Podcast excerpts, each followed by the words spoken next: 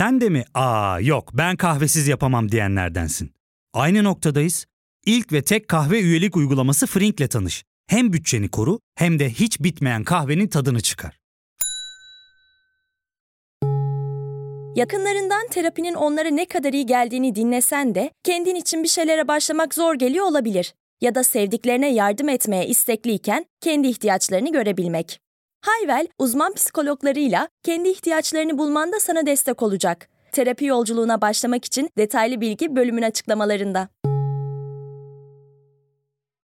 Herkese merhaba. Bu kaydı 3 Mart'ta alıyoruz. Son açıklanan verilere göre ölü sayısı 45.089 olarak açıklandı. Hepimizin başı sağ olsun çok büyük bir travma yaşıyoruz. Mart ayının başlamasıyla birlikte pandemi döneminde kelime dağarcığımıza kazınan bir kavram gündelik dilimize yeniden girdi. Nedir o? Normalleşme. Normalleşiyoruz. Mesela depremden önce tartıştığımız kazanacak aday meselesine sanki hiçbir şey olmamış gibi devam edebiliyoruz. Erdoğan ise bu korkunç enkazın altından helallik isteyerek çıkma telaşında. Maalesef ilk birkaç gün Adıyaman'da arzu ettiğimiz etkinlikte çalışma yürütemedik.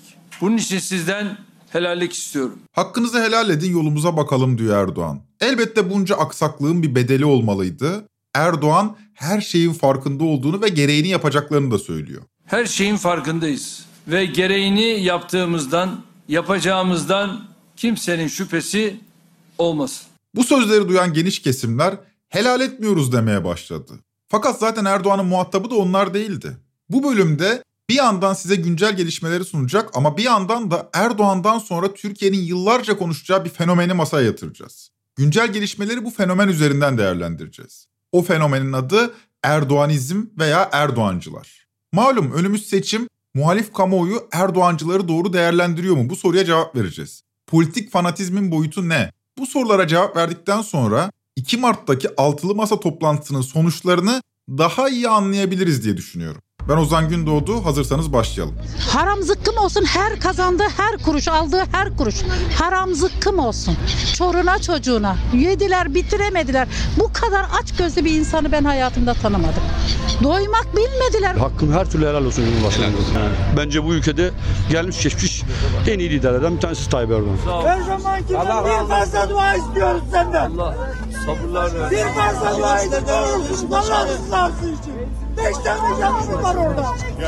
Olursun bugün bir fazlasını iste. Her zamankinden fazla duanızı bekliyoruz bizler. Ne olursun. Covid-19 pandemisi döneminde hayatımıza giren bir kavramı şu sıralar yeniden duymaya başladık. Normalleşme. Kabus gibi bir Şubat ayını geride bırakırken Mart ayı ile beraber normalleşmeye başladık. Fakat yine pandemiden hatırladığımız bir kavramla anıyoruz bunu. Nedir o? Yeni normal. Bu yeni normal sözünü kendi adıma beğeniyorum. Normalin nasıl da değişken olduğunu, zamana uyum sağladığını iki kelimeyle özetliyor bana kalırsa. Normal değil, yeni normal. Demek ki artık eskisi anormal. Mesela hükümet istifa diye bağırmak eskiden normaldi. Artık anormal. Eskiden de bağırılırdı sadece Erdoğan'a da değil Ecevit'e, Çiller'e, Demirel'e de bağırıldı. Vatandaş da böyle bağırabilmeyi anayasal hak olarak kavramıştı ama artık değil. Çünkü zihnimizi manipüle eden Erdoğancılar var. Yok öyle hükümet istifa diye bağırmak. Hükümet istifa diyormuş. Bu da anayasal hakkıymış. Benim de var anayasal haklarım. Seninle alakalı öyle güzel şeyler söylerim ki anayasal hak olarak. Ama zamanı değil. Önümüzdeki günlerde daha çok konuşacağız. Normal. Sadece zamana göre değişkenlik göstermiyor, mekana göre de değişiyor normal. Mesela Yunanistan'ın normaliyle Türkiye'nin normali değişkenlik gösteriyor. Yunanistan'da 28 Şubat'ta yaşanan tren kazasında 40 kişi hayatını kaybedince Yunanistan Ulaştırma Bakanı Kostas Karamanlis aynı gün istifa etti. Bizde henüz bırakın istifayı bir öz eleştiri bile duyamadık. Yunanistan'ın normali ayrı, bizim normal apayrı. Nedir farkımız? Ege'nin öteki yakasında başka, bu yakasında başka. Nedir farkımız? Mizah böyle anlarda işlevsel olabiliyor. Bizde kara mizah geleneği çok yaygın olmadığı için böyle dönemlerde mizaha ara veriyoruz. Çünkü bizde mizah gülmekle eşdeğer. Sadece gülmek olarak kodluyoruz. Halbuki sadece gülmek değil mizah. YouTube'da yayın yapan Kukla Kabera diye bir kanal var. Belki görmüşsünüzdür. Ben takip ediyordum da önceden de. Yetişkinler için Mapuş Show gibi bir format. Bir mizah kanalı. Bu istifa meselesini bence çok güzel tiye almışlar. Bizde bu istifa kurumu ne zaman kalktıydı? Bayağı oldu değil mi? O artık şey ya af dilemek ya görevinden. Gibi gibi evet. Yani istifa Ay, en son artık. kimi istifa etmişti oğlum? Abi şey etti e, bu mimarlık fakültesine atanan dekan vardı ya. Ha, o ha bir etti. tane o şey etti. Ha, yıllar önce kim etmişti? Hatırlayamayacağımız kadar eski değil mi bu? Tabii canım en son istifa... Bayağı Ha, kültür, şey var. kültürümüzden mi çıkardık? Nasıl? Kültürden çıkardık değil mi bunu? Yani olan da şey zaten hani Instagram'dan falan ettikleri için. Gibi gibi gibi. Bölümün tamamını izlemenizi tavsiye ederim. Kendilerini tebrik ederim. Tebrik ederim etmesine de şimdi ironiyle gerçeğin birbirine girdiği bir dönemi acı acı yaşadığımızı da söyleyelim. Ben freak show diye ifade ediyordum bu zamana kadar. Kukla Kabara ekibi de istifa meselesini tiye alarak ironi yapıyor ama hakikat pek de ironik değil. 2 Mart'ta Fox TV'de yayınlanan Çalar Saat'in konuğu olan BBP lideri Mustafa Destici'ye İlker Karagöz bu istifa meselesini de soruyor. Destici'nin cevabı bence çok enteresan. Bir dinleyelim. Siz sahadaki Kızılay ekibini kıymetlendiriyorsunuz. Evet. Diğer tarafıyla da böyle bir tartışmanın içine soktuğu için Kızılay yönetiminde eleştiriyorsunuz. Gereğini yapmalılar diyorsunuz. İstifa kelimesinden bir imtina mı ediyorsunuz? Yani istifa etmeliler demiyor musunuz? Aflarını isteyebilirler. Bir genel kurul yaparak görevlerini devredebilirler. Yani Ama yine istifa demiyorsun. Hangi yolu seçiyorlarsa, hangileri Kızılay'a daha az hasar verecekse ya da Kızılay için hangisi daha iyi ise onu yapmalarını onlar kendileri biliyordur. Yani sorumluluklarının gereğini yapmalarını söylüyorum. Diyor ki aflarını isteyebilirler, genel kurula gidebilirler. Peki istifa? İstifa yok. Çünkü sevgili arkadaşlar o göreve kendilerini tevdi eden makam Cumhurbaşkanı Erdoğan ise ancak ve ancak yine Erdoğan onları görevden alabilir. İslam dinindeki intihar gibi kavruyorlar istifa kurumunu. Allah'ın verdiği canı yine Allah'ın kendisi alır ya. Erdoğan'ın verdiği görevi terk etmek de bunun gibi bir şeydir yani. Yani bu rejimde istifa yoktur. Bu rejim deyince 20 yıldan bahsetmiyorum. 2018-2019'da beraber kurulan yeni başkanlık rejiminden bahsediyorum. İstifa yoktur ama hal böyle olunca öz eleştirinin de önü tıkanıyor. Kimse sorumluluk almıyor. Sorumluluk alsan ne işin var o koltukta denir sana. O halde sorumluluk almak büyük tehlikedir. Sorumluluk alana da koltuğu terk etmek yani istifa etmek düşer. Fakat istifa kurumu yasaklanınca sorumluluk alanda olmuyor. Fakat böyle büyük skandallar söz konusuyken sorumluluk almamak için bin dereden su getirmek zorunda kalıyorsunuz. Çırpınıyorsunuz, aciz içinde kalıyorsunuz sorumluluğu başkasına atarken. Çünkü buz gibi bir gerçek sorumlu sizsiniz. Sizlere bu konuda 3 örnek dinleteceğim.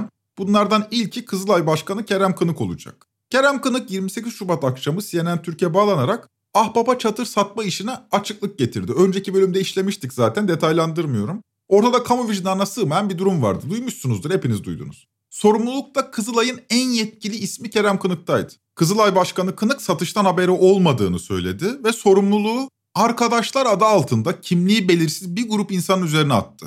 İlginç bir yöntem bir barınma ihtiyacı varmış. Bunu biz maliyetine 19 bin lira küsür artı nakliye gibi bir maliyete ahbaba verelim. Bu parayla da hemen kendimiz ham madde alıp üretime geçelim diye bir inisiyatifte bulunmuşlar bize sormadan. Ha, bana sorsalardı yani veya CEO'larına sorsalardı bunu e, bizim kurumsal olarak vereceğimiz cevap şu olurdu muhtemelen. Arkadaşlar bakın ahbap böyle bir yardımda bulunmak istiyor. Tamam güzel o bağış almış çok güzel. Yani mesela bizim bunun nakliyesine destek versin. Yükleyin çadırları. AFAD'ın göstermiş olduğu lokasyonlara sevk etsinler. Kurumlarına da destek olsunlar. Sonra bakarız derdim ben. Ama arkadaşlar bunu kendi o rutinlerinde her gün yaptığı o işlemlerden bir işlem olarak inisiyatif kullanmışlar. Eleştirdim de arkadaşlarımızı. Yani bu konuyla alakalı refleksleri yanlış olduğunda eleştirdim. Arkadaşlar diyor inisiyatif kullanmışlar. Ben de duyunca eleştirdim diyor Kerem Kınık. Basiret. Ne güzel kelime değil mi? Basiret. Bir kurumu 7 yıldır yönetiyorsunuz. Kurumun 11 şirketin yönetim kurulu başkanısınız. Oğlunuz bile kurumun gençlik kollarının başında. Bu kurumun da 150 yıllık bir tarihi var ama siz en yetkili kişi olarak sorumluluk alma cesaretine sahip değilsiniz. Çünkü birey olma gibi bir iddianız yok. Siz Cumhurbaşkanının tensipleriyle oturup kalkan insanlarsınız. Dolayısıyla görevinizle vicdanınız arasında kaldığınızda vicdanınızı ayaklarınızın altına alıyor, görevinizi tercih ediyorsunuz. Vicdanınız da yıllar içinde köreliyor. Halbuki bir gün önce Twitter hesabınızdan yaptığınız açıklamada ahbapa çadır satışı ahlaki, akılcı ve yasaldır diyordunuz. Şimdi ise kabahati arkadaşlarınızın üzerine atıyorsunuz. Neden? Çünkü bu rejimde kimse sorumluluk almaz arkadaşlar. Alamaz. Tek bir sorumlu vardır. O da Erdoğan'dır. Onun iradesinin üzerine çıkıp hata ettim denilemez. Hata etmişsen Erdoğan icabına bakar. Sen kim oluyorsun? O koltuk onun sayesinde senin neticenin altında duruyorsa neticeni o koltuktan kaldırmak da senin haddine değildir yani. Senin onurun için, şerefin için o koltuktan çekilmek gibi bir misyonun olamaz. Çünkü onur, şeref bunlar bireylere ait niteliklerdir. Siz birey değilsiniz ki. Sizin icabınıza bakacak olan kişi Erdoğan'dır. Peki Erdoğan sorumluluk alır mı? Hayır. Öyle şey mi olur? Erdoğan bu zamana kadar bu halkın başına gelmiş en güzel şeydir. Ne demek sorumluluk? Ondan önce her şey çok kötüydü ve onunla beraber her şey harika oldu. Erdoğan'ın iktidarında herhangi bir şey kötü gitmişse de bu Erdoğan'ın suçu değil, arkadaşların suçudur. Erdoğan'dan başka herkes sorumlu olabilir. Kerem Kınık da Kızılay'ın Erdoğan'ıdır. O halde suçlu arkadaşlardır. Zaten bu sistem içinde kimse Erdoğan'ı sorumlu da gösteremez. O her şeyin en iyisini zaten bilir. Kınık da tıpkı Erdoğan gibi sorumluluğu arkadaşların üzerine attı. Böylece istifa baskısını bu şekilde bertaraf etmeye çalıştı. Gözler artık güçlü iradenin adı Erdoğan'da. Ne yapar eder bilinmez, hikmetinden sual olunmaz. Sizlere sorumluluk meselesine ilişkin 3 örnek dinleteceğimi söylemiştim. İlki Kızılay Başkanı Kerem Kınık'tı. İkincisi kim? İkincisi ise Kahramanmaraş Belediye Başkanı Hayrettin Güngör olacak. Hayrettin Güngör 27 Şubat akşamı Habertürk'ten Mehmet Akif Ersoy'a bağlanıyor ve soruları yanıtlıyor. Maraş'ın bir şeye ihtiyacı var mı diye soruluyor. Hayrettin Bey'e göre her şey yolunda. Çadır var, tuvalet var, her şey yolunda. Temizlik bile süper. Ersoy haliyle soruyor. Efendim şöyle büyük bir felaket yaşadık. Geriye dönecek olsanız bundan 50 gün önce yani bir deprem beklentisi de vardı Kahramanmaraş'la ilgili. Hatta çokça videoda paylaşıldı. Şu tedbirleri alırdım dediğiniz, keşke şunları yapsaydık dediğiniz bir şey var mı? Yoksa her şeyi yaptınız ve gönlünüz müsterih mi? Maraş Belediye Başkanı bu soruya tek bir argüman sunuyor. Deprem çok büyüktü. Ya herhangi bir sorumluluğunuz var mı? Sizin veya iktidarınızın. Her şeyi yaptık ve gerisi kader miydi? 20 yılda herhangi bir önlem alınmadı mı ya da alındı mı? Her şeyi yaptık mı? Cevap deprem çok büyüktü. Sorumlu kim peki? Sorumlu deprem. Mehmet Akif Bey, İstanbul'da da bir deprem beklentisi var, farklı yerlerde de var. Bu deprem öncesinde tabii ki kentsel dönüşüm çalışmaları hızla devam ediyordu. Bununla ilgili AFAD'ımız Kahramanmaraş'ta pilot bölgeydi bu arama kurtarma alanında. Bu çalışmalar devam ediyordu. Yapılması gereken büyük oranda tabii ki yapıldı ama bu e, deprem... Cevabın tamamını dinlemeyelim. Uzan uzadıya şöyle yaygındı, böyle büyüktü, öyle şiddetliydi falan filan. Mehmet Akif Ersoy devam ediyor. Efendim bu kadar mı? Gerçekten bu kadar mı? Yani çok büyük bir felaket yaşadık. Dolayısıyla yıkılacaktık zaten. Kaderimizde var gibi bir şey mi? Hayır kesinlikle öyle değil. Yani afetin büyüklüğünü bakın bilim adamları şunu söylüyor. Karanın gördüğü en büyük deprem olarak ifade ediyor. Ve afallıyor karşı taraf. Yine aynı cevabı tekrarlıyor. Bozuk plak gibi başa sarıyor Hayrettin Güngör. Ama diyor deprem çok kötüydü, feci bir şeydi. Ya siz bu zamana kadar yapabileceğinizi yaptınız mı? Deprem çok büyüktü. Ya siz yapabileceğinizi yaptınız, gerisi takdiri ilahi gibi mi? Elinizden gelen buydu. Doğru mu anlıyorum? Mehmet Akif Bey, bakın Türkiye'de birçok yerde deprem oldu. Şu anda da risk olan yerler var. Burada yapılması gereken, bakın 99 depreminden sonraki binalarımızda herhangi bir sıkıntı olmadığını ifade. Çok yüzde birlik bir oran. Yok yine yok. Tek bir öz eleştiri yok. Şunu da yanlış yaptık demiyor, diyemiyor adam. Deprem çok büyüktü deyip geçmek zorunda. Nedenini söyleyeyim mi? Çünkü Hayrettin Güngör kendisini değil, Erdoğan'ın iradesini temsil ediyor. Bu sistemdeki tüm koltuklar Erdoğan'ın sayesinde var ve Erdoğan'a minnet etmek bu sistemin koltuk sahipleri için hayati önemli. Öz eleştiri demek Erdoğan'ı eleştirmek demek. Ne diyecek ki? Erdoğan'ı eleştiremezsiniz. Üç örneğin ilki Kızılay Başkanı Kerem Kınık'tı. Kınık'ın savunması suçu arkadaşlarının üzerine atmak oldu. İkinci örnekte Maraş Belediye Başkanı dinledik. O ise suçlunun depremin büyüklüğü olduğunu söyledi. Yapacak bir şey yoktu yani o da sorumluluk almadı. Üçüncü örneğimiz ise Milli Savunma Bakanı Hulusi Akar olacak. Akar, asker ilk günlerde neredeydi eleştirilerine ilişkin Abdülkadir Selvi'ye konuşmuş ve şu cümleleri kurmuş. Uzaktan böyle ahkam kesmekle olmuyor. Hududu kim koruyacak? Suriye'de kim kalacak? Suriye mi boşaltacağız ya? Irak'ı mı boşaltacağız? Görmek istemeyen körler ve duymak istemeyen sağırların amacı farklı, bizim derdimiz farklı. Beklentimiz ülke olarak yaşadığımız bu derin acıya ve Mehmetçiğin ve personelimizin büyük emeğine saygı duyulması. Bu kadar. Şimdi biz saygısızlık ediyoruz. Biz görmek istemeyen körler ve duymak istemeyen sağırlar oluyoruz. Ama gördüğünüz gibi Hulusi Akar da sorumluluk almıyor. Bir sududu koruyorduk diye üzerinden atıyor. Bölgede 7,5 şiddetinde bir deprem bekleniyor. Buna ilişkin önlem almanız, belki de bölgeye takviye ekipler göndermeniz gerekiyor. Ama deprem olduktan sonra siz ya biz hududu koruyorduk diyorsunuz. Yani o da sorumluluk almıyor. Size de diyecek bir şey kalmıyor. Baksanıza adamlar hududu koruyormuş. Ne yapsalardı ya? Asker neredeydi diyenler vatan aynı sanırım. PKK'ya hizmet ediyorlar. Nasıl tezgah ama? Teflon gibiler.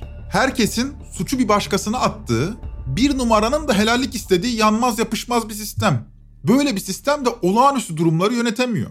140 Jornos bu hafta Kader Planı adında bir mini belgesel yayınladı 1 Mart'ta. İzlemenizi tavsiye ederim. Burada konuşan Fatih Altaylı çok çarpıcı bir tanıklığını aktarıyor. Bence tarihi.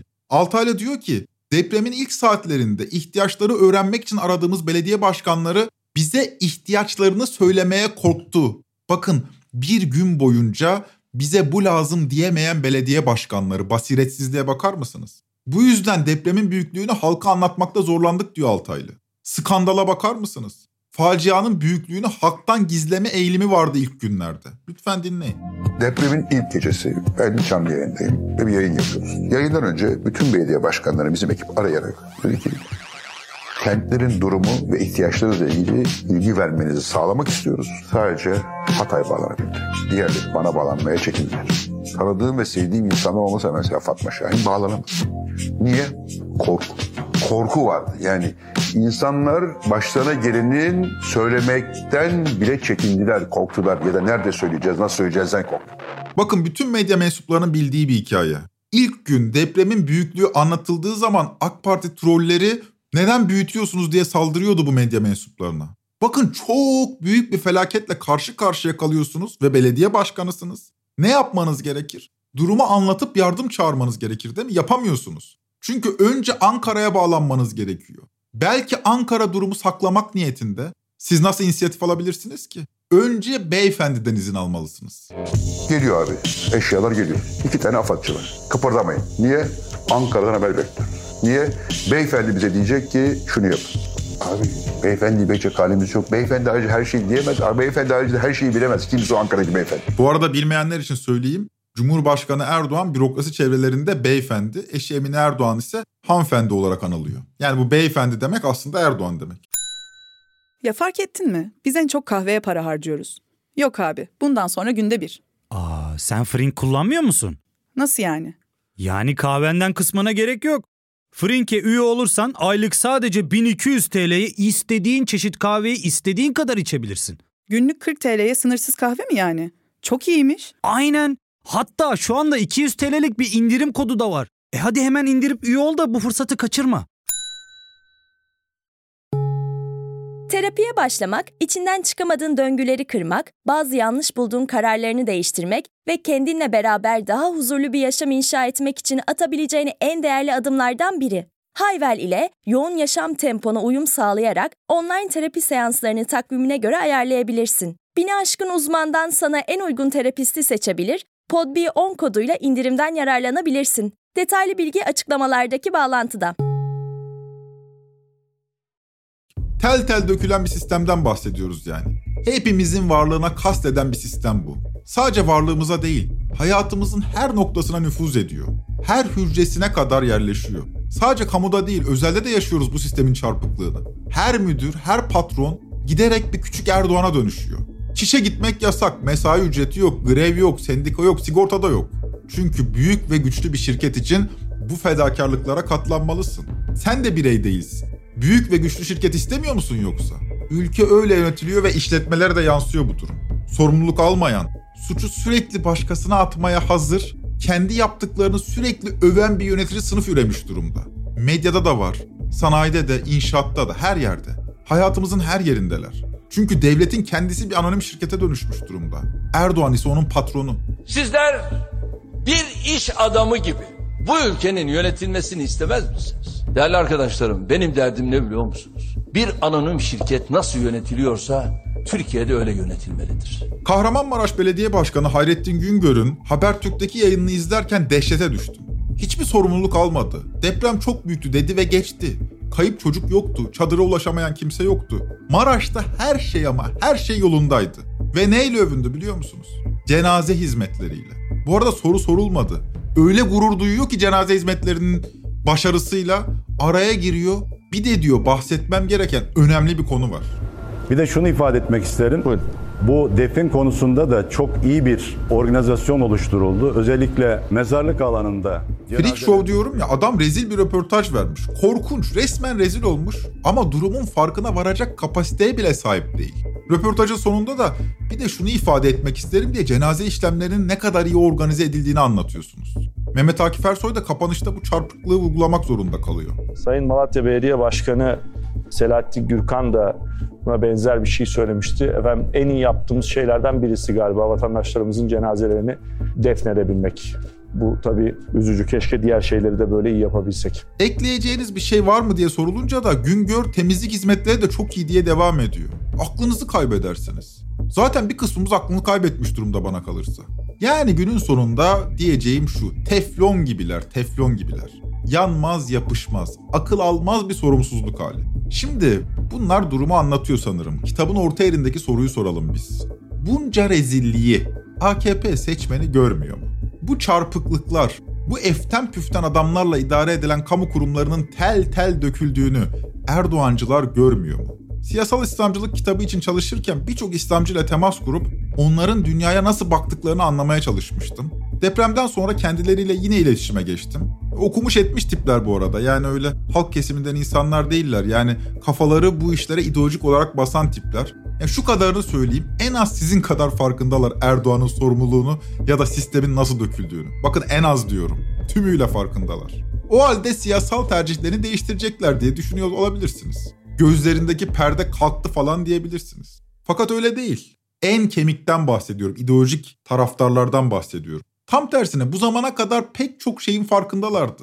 Yani ortada kalkan bir perde varsa çok önceden zaten kalkmıştı. Yani vaziyeti farkındalar. E o zaman durum şu arkadaşlar.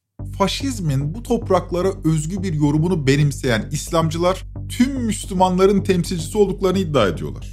Faşist olmadıklarını falan da düşünüyorlar. Ben zaten böyle bir ithamda bulunuyorum. Daha önce köyden kente göçe zorlanmış yoksul halk kesimlerinin kentte yaşadığı sınıfsal ve kültürel çatışmalardan beslenerek bir toplumsal kesimi kendi fikirlerine de ikna etmiş durumdalar. Kendileri dışındaki toplum kesimleriyle kendilerini eşitler düzleminde değerlendirmiyorlar. Onların zihin dünyasında biz kavramı 85 milyonu temsil etmiyor. Muhafazakar mahalle yekpare bir bütün olarak biz oluyor, geriye kalanlar ise ötekiler olarak ayrılıyor. Biz ile ötekiler arasında fark ise kadim düşmanlar, Ermeniler, Yahudiler ve Rumlardan bile daha fazla. Yani bu kadim düşmanlardan çok daha büyük bir nefretle dolular kendileri dışındaki kesimlere karşı. Bunlar faşizmin bu topraklara özgü bir yorumunu benimseyen ideolojik fanatikler. Ama ellerindeki aparatlarla, din, medya vesaire gibi aparatlarla kendi hastalıklı fikirlerini halk kesimlerine de empoze ediyorlar. Kendileri bizden nefret ediyor ama kendi etkili alanlarına aldıkları halk kesimlerinin de bizlerden nefret etmesi için çabalıyorlar. Böylece birkaç milyon insanı içine alan faşizmin kitle tabanı oluşuyor ki buranın herhangi bir skandalda gözünün açılması mümkün değil. El mer'u me'a ehabbe. Kişi de sevdiğiyle beraberdir. İnşallah o sevdiklerinizle beraber cehennemin dibine gidersiniz. Bunu kasten yaptıklarına inanıyorum artık. Bizim kılcallarımızı merak ediyorlar. Biz bu din için, Resulullah Aleyhisselam'ın şanı, şerefi ve hatırası için, Kur'an-ı Kerim için, ezan için, camilerimiz için, bu devlet için, bu vatan için, bu topraklar için vallahi de billahi de bir dakika bile düşünmeden canımızı, kanımızı son damlasına verecek kadar meydandayız. Yüreği olan çıksın karşımıza da öyle konuşsun. Erdoğan ise bu bizlik duygusunun temsilcisi konumunda. Hatasıyla sevabıyla. Mesela nasıl örnek, nasıl anlayabiliriz bu duyguyu? Siz mesela Yunanistan'daki PASOK'a oy verir misiniz? Veremezsiniz çünkü teknik olarak mümkün değil. Yunanistan vatandaşı değilsiniz. Erdoğancılar için de Erdoğan'ın dışında kalan alternatifler öyle. Ne kadar rezil olsanız da sizin başka bir kişiye oy vermeniz mümkün değil. Çünkü başka bir milletiz biz. Öyle sayıyorlar. Sisteminiz pul pul dökülse de, geleceğiniz kararsa da Erdoğan sizin tek alternatifiniz. Ta ki o ölene kadar. Türkiye çok daha kötüye gidebilir. Büyük bir tarım krizi, büyük bir gıda krizi kapıda. Savaş, iç savaş hisleri ortada. Hiçbirinin önemi yok. Yaşadığı müddetçe ona bağlılık yemini eden milyonlardan bahsediyorum. Milyonlar. Yeterince tehlikeli geldi mi? Şimdi sizlere iki İslamcının tartışmasını dinleteceğim. Bunlardan biri Yeni Şafak yazarı Yusuf Kaplan, 60'lı yaşlarında. 80'li yıllarda politik bilinci gelişmiş bir kişi. Neden 80'li yıllar önemli? Çünkü İran İslam devriminin yarattığı heyecanı yaşıyor bu grup.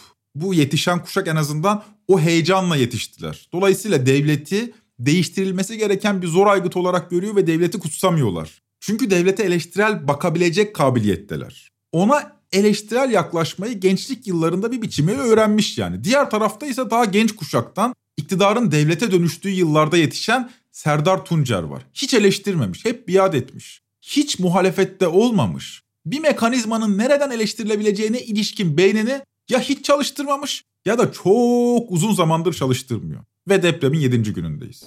Mevsim kış, 10 şehirde birden var. Buna rağmen ikinci günden itibaren tam manasıyla nezaret edebilen, vaziyet edebilen bir devlet var. Daha yok. Daha henüz nezaret edemedi. Ne diyorsun böyle? Daha henüz devlet orada yok hala. Hocam. Perişan durumda insanlar ya. Sizin ben şundan endişe. Hayır hayır şöyle bak yani orada daha hala çadır gitmedi ya. Sizin Pardon ya yani 7 gün oldu bir hafta oldu çadır gitmedi insanlar soğuktan donuyor. Hocam sizin biraz böyle Yani iletişim sistemi gitti. İletişim felsefi sistemi- ve derinlikli bir bakışınız var ya bu böyle e, Hayır, somut dürüst- bakan dürüst kafaların algılayamayacağı bir şey. Bak, bak. Çadır mesela nerede çadır yok? Ha, hiç, hiçbir yerde yok çadır. Yapmayın. Yarın gelecek yani yarın işte bugün Yok yarın hocam, gitmeye başladı. Allah aşkına boy boy Yok, yok, çadırları görüyoruz. geri geliyor. Sen söyle. ben bir Ben bunu şey bitireyim. söyleyeyim. Burada Lütfen, çok özür dilerim. lütfen. Ha, burada çok önemli bir şey var. Yani millet, örgütsüz olan millet acayip bir şekilde her yere damlayabiliyor ama devlet damlayamıyor. Neden? Bu sorunun cevabını aramamız lazım. Şimdi şu Serdar Tuncer her yerde çadır olduğunu mu düşünüyor? Hakikati bilmiyor mu? Bal gibi biliyor. Peki onu izleyenler bilmiyor mu? Onlar da biliyor. Tuhaf bir durum. Birbirlerine yalan söylüyorlar ve yalanın yalan olduğunu da farkındalar. Sinsi bir işbirliği yani. Hatta Yusuf Kaplan'a tepki gösteriyor izleyiciler. Bunları anlatmanın zamanı mı diye. Sinsi bir işbirliği diyorum ya. İşte bu sinsi işbirliği Erdoğan ile fanatik tabanı arasında da kuruluyor. Zaten Erdoğan da bizlerden helallik istemiyor sevgili arkadaşlar. Kendi tabanından istiyor helalliği. Dolayısıyla boşu boşuna helal etmiyoruz demeyin. Zaten size soran yok. Sizi hangi kelimelerle andıkları ortada. Öfkeyle nefretle anıyorlar. Erdoğan'ın 6 Şubat'ta kameralar karşısında şu mavi ekran önündeki konuşmasına odaklanın. Ya depremin ilk günü neden öfkelisiniz ki? Depreme bile sinirlenmişti. Depreme kızmıştı ya depreme. Daha ilk günden tutulan defterlerden bahsediyordu. Günü geldiğinde şu anda tuttuğumuz defteri de açacağız. Çok açık ifade etmek gerekir. Cumhurbaşkanı Erdoğan beni sevmiyor. Muhtemelen sizi de sevmiyor. Tabanı da bizleri sevmiyor. Baya baya nefret ediliyor bizlerden. Biz derken Erdoğancı olmayanlardan bahsediyorum. Hangi siyasi görüşte olursanız olun Erdoğancılığın dışındaki seçeneklerden birine aitseniz sevilmiyorsunuz. Çünkü bizler Siyonizme hizmet eden, bu milletin dinine, vatan sevgisine falan kasteden şer odaklarıyız. Bunu ya bilerek yaparız ki bu bizi vatan haini yapıyor, yargılanmamız, cezalandırılmamız gerekiyor. Bilmeden yaparsak da saf salak kabiliğinden değerlendiriliyoruz. Bu sevmeme halinin nedenlerini önümüzdeki bölümlerde konuşuruz ama hakikati dile getirelim. Sevilmiyoruz arkadaşlar. Hal böyle olunca bu hakaretler Erdoğan'ın ağzından çıktığında üzerimize alınıyoruz. Kukla Kabare ekibi de bu durumu ifade etmiş son bölümlerinde. Ya işte zor durum bağırılma en azından küfür etmeseler. Evet hakaret ve küfür Yok yok ağır çıta, oluyor. çıta orada ya bir küfür yemeseydik de şefkati geçtik ya. Bir de ağır konuşuyor. Ağır ağır. Ee, şerefsiz falan diyor, adi diyor. Yani tamam yüzü, yüzü gülüm gü- şey değil yani böyle. Tabii tabii yani E, kimse gülüp eğlenmeyi yani beklemiyor da. Küfür biraz şey sıkıntı. Ben alınmaya başladım çünkü. Öyle mi? Tabii şey ben alınıyorum yani. Tabii tabii biraz. Üzülüyor insan. Hadi Yani hafif şerefin çok düşük değilse alınıyorsun evet. Şerefiniz çok küçük değilse alınıyorsunuz. Gerçekten öyle. Şahsen kendi üzerime alındım. Dolayısıyla Türkiye'yi bir araya getiren en büyük tutkala dönüşüyor anti Erdoğancılık. Kürdü de, milliyetçisi de, Atatürkçüsü de, solcusu da, liberali de, bilimum Erdoğancılar dışındaki tüm politik kesimleri bir araya getiren bir tutkal anti Erdoğanizm veya anti Erdoğancılık. Erdoğancılar ve anti Erdoğancılar olarak iki ayrı kampa bölünmüş bir toplum, iki ayrı millet gibi. Erdoğancılar büyük ölçüde yekpare. Anti Erdoğancılar ise çok parçalı. Her politik görüşten insanı bir araya getiriyor anti Erdoğancılık. İşte onun masasıydı altılı masa. Maalesef solu dışladı, HDP'yi de kapsayamadı ama ortak aday iradesi anti Erdoğancılığın bir araya gelebilme fırsatıydı. 2 Mart'ta Saadet Partisi'nin ev sahipliğinde bir araya gelen 6 lider toplantının sonunda toplam 5 satırlık bir bildiri yayınladı. Ortak adayı belirledik demediler. Ortak adayımız ve geçiş dönemi hakkında ortak bir anlayışa sahibiz dediler. Nihai açıklamayı da 6 Mart'a ertelediler. Kulislere sızan bilgiler çok net. Kılıçdaroğlu'nun adaylığına İyi Parti grubu karşı çıkıyor. Yekpare olarak karşı çıkmıyor. Oranın da kafası karışık. Kılıçdaroğlu'nu destekleyenler var, desteklemeyenler var. Desteklemeyenlerin ne yapacağı ise şüpheli. 6 Mart'a kadar bunu bekleyeceğiz. Kamuoyuna açıklanan gerekçe ise kazanacak aday tartışmasının devamı niteliğinde. Kılıçdaroğlu kazanamaz diye başlayan kampanya seçime 73 gün kala devam ettiriliyor. Sırrı Süreyya Önder de Halk TV'de 3 gün önce bu konuda bence tutarlı bir yorum yapmış. Siyasi iddia odur ki biz şu adayın Kemal Bey ya da bir başkası etrafında kenetleneceğiz. Şu ilkeler ışığında ve onu köşke taşıyacağız. Kazanacak adaysa sana ne ihtiyaç var? Zaten kendi kendine kazanır. E kazanacak aday Recep Tayyip Erdoğan o zaman git ona çalış. Öyle gözüküyor. Tek başına oy oranlarına baktığında bu siyaseten yanlış bir laf. Sayın Akşener'e saygısızlık etmek istemem. E, Millet İttifakı'nın iç işleri de benim işim değil. Ama siyaseten sorunlu bir yaklaşım bu. Kazanacak aday tartışması seçime 73 gün kala kazanması istenmeyen adaya dönüşmüş durumda. Zaten Akşener de toplantının ardından tüm parti kurullarıyla toplantılar organize etti. Cumartesi günü de Genel İdare Kurulu'nu toplayarak yol haritaları hakkında karar verecekler. Ne düşündüğünüzü tahmin edebiliyorum. Bu konuyu kısaca konuşup geçmek olmaz. Bir sonraki bölümde zaten durum netleşmiş olur ve böylece uzun uzadıya meseleyi ele alırız. Ancak şunu söylemekte şimdilik bence bir beis yok. Genel olarak muhalif kamuoyu da, muhalefet bloğu da Erdoğan'ı ve Erdoğancılığı doğru kavrayamadı. Açık faşizm tehlikesiyle karşı karşıya olduğumuzun bilinci toplum kesimlerine aşılanamadı. Faşizme karşı demokrasi paradigması kurulamadı.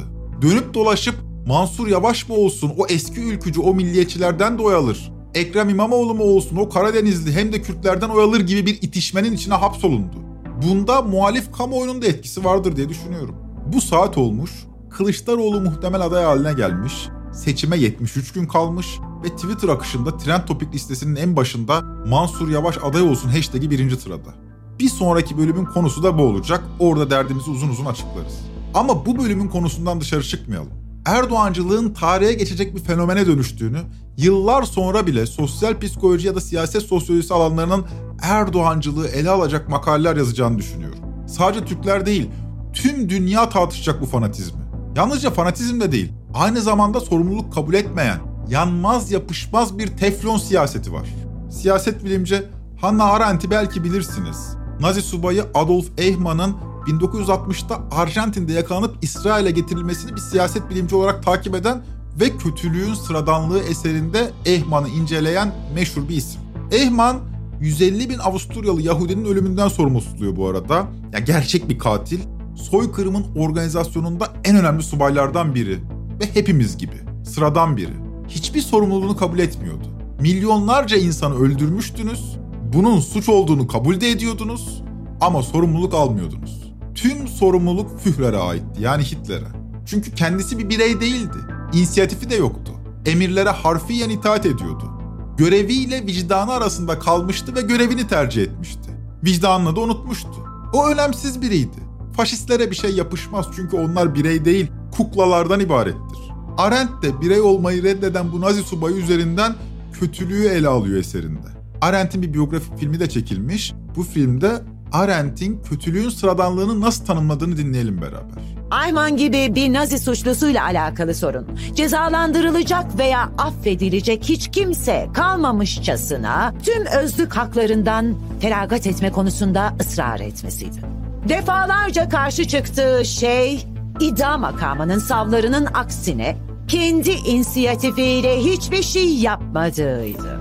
Tek yaptığı iyi veya kötü niyet barındırmaksızın verilen emirlere harfiyen itaat etmekti. Bu tipik Nazi mazereti en büyük kötülüklerin önemsiz insanlar tarafından gerçekleştirildiğini açıkça ortaya koyuyor. Herhangi bir gayesi bulunmayan, fikirden yoksun, ruhsuz kalpleri veya şeytani iradeleri olmayan insanlar. Birey olmayı reddeden insanlar. Ve ben bu olguya kötülüğün sıradanlığı diyorum. Hiçbiri ama hiçbiri şeytani bir iradeye sahip değil. Altını çiziyorum. Böyle cehennem zebanisi gibi gezmiyorlar ortalıkta. Hepsi kendilerinin iyi insanlar olduğunu düşünüyorlar. Sıradan insanlar. Sorumlu olmadıklarını zannediyorlar. Tel tel döküldüklerini biliyorlar ama sorumluluk hissetmiyorlar. Biri arkadaşların hatası diyor. Diğeri deprem çok büyüktü diyor. Bir diğeri hududu korumasa mıydık diyor. En baştaki ise helallik istiyor. Hepsi vaziyetin farkında halbuki. Sadece motomot argüman üretiyorlar. Bu argümanların ne kadar boş olduğunu argümanı savunanlar da biliyor. Laf olsun diye konuşuyorlar. Haklısınız ama biz Erdoğan'a bağlıyız. Bu ülke yerin dibine de girse Erdoğan'la beraberiz diyecek halleri yok. Argüman üretmek zorundalar ve saçma da olsa üretiyorlar.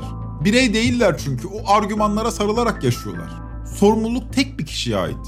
Güçlü iradenin sahibi tek bir kişi var. Tek bir kişi. O da helallik istiyor. Onu da sizden istemiyor üzerinize alınmayın. Ve muhalif kamuoyu Kılıçdaroğlu mu olsun, İmamoğlu mu olsun, Yavaş mı olsun diye tartışıyor. Apolitizm derinlere o kadar işlemiş ki 14 Mayıs'taki seçimlerden bir gün önce bile Mansur Yavaş aday olsun veya Ekrem İmamoğlu aday olsun diye sosyal medya kampanyası yapılacak hale getirilmişiz. Halbuki neticemizde ayı bağırıyor. Bu arada Kılıçdaroğlu'nun adaylığına karşı çıkmayınca da Kemalci oluyorsunuz. Yani Kemal fanatiği. Müthiş bir özgüvenle saldırılabiliyor. Karadeniz gezisinden sonra İmamoğlu linç edilince İmamoğlu'nun lincine karşı çıkanlara da Ekremci deniyordu o zamanlar. Akıl alır gibi değil. Yani muhtemel adayı gel beraber yıpratalım, ona beraber dayak atalım diyorlar. Hayır ben herhangi bir adaya dayak atmam deyince de Kemalci, Ekremci falan oluyorsunuz. Bu bölüme kayda hazırlanırken Meral Akşener'in masadan kalktığını öğrendik. Tarihi bir açıklamayla faşizme karşı demokrasi mücadelesini büyütmek yerine kazanacak aday tartışmasına argüman üretmeyi tercih etti Meral Hanım. Masaları noter masası ve kumar masası diyerek eşitledi ve bunu on binlerce insanın can verdiği, iktidarın özgüveninin tümüyle sarsıldığı bir dönemde yaptı.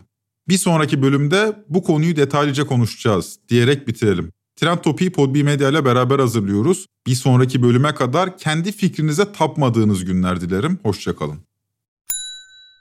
İlk ve tek kahve üyelik uygulaması Frink, 46 ildeki 500'den fazla noktada seni bekliyor.